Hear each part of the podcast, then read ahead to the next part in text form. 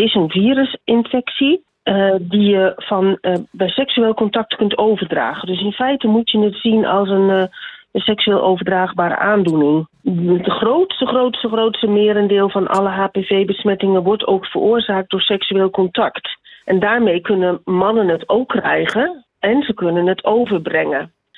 En waar men vroeger dacht, nou ja, het is vooral baarmoederhalskanker wat het veroorzaakt, is het duidelijk geworden dat het nog vijf andere soorten kanker uh, ook kan, uh, kan veroorzaken. Dus de laatste jaren is duidelijk geworden dat het ook belangrijk is om jongens en mannen te vaccineren. Voor jongere kinderen onder de 18 is het al sinds enkele jaren in het Rijksvaccinatieprogramma opgenomen. Zoals dat eerder voor meisjes was gedaan.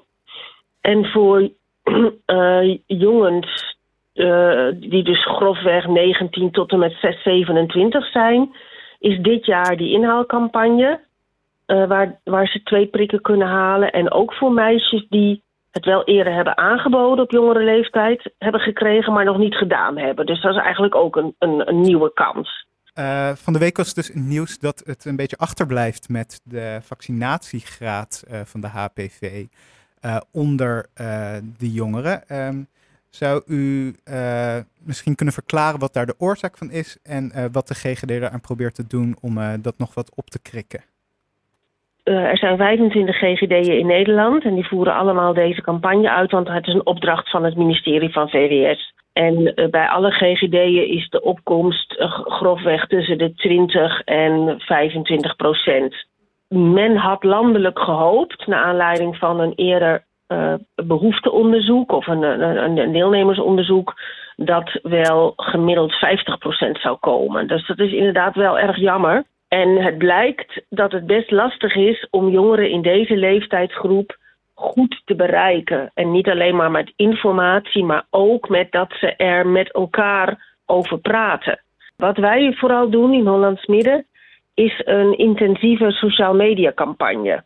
Dan had ik nog uh, één vraagje. Dat ging dan over de vaccinatie bij uh, nou ja, de studentenlocaties, dus in Leiden, uh, Plexus ja. en de hogeschool. Um, zijn jullie van plan na de zomer daar opnieuw een aantal prikmomenten in ja. te plannen? Of roept u vooral de studenten op, ga nu er naartoe. lukt dat niet, kom na de zomer naar, naar de officiële locatie. Nee.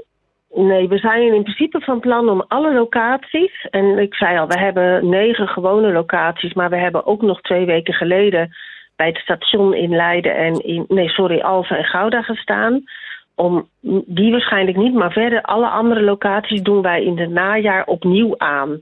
Okay. Uh, zodat uh, iedereen uh, op een nou ja, bekende plek, hè, waar je eerst hebt gehaald, die ken je dan al, weer aan de beurt kan zijn. Het kan zijn dat we de frequentie iets aanpassen, maar in principe komen we overal weer.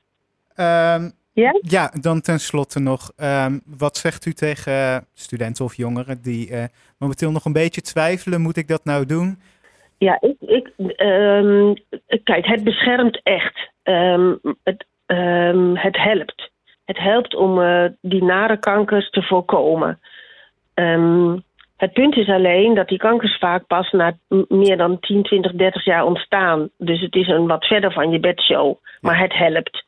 Dus zeker doen, maar laat je vooral goed informeren. Lees informatie, praat er met anderen over. Wees kritisch op dingen die je hoort, zowel positieve als negatieve verhalen.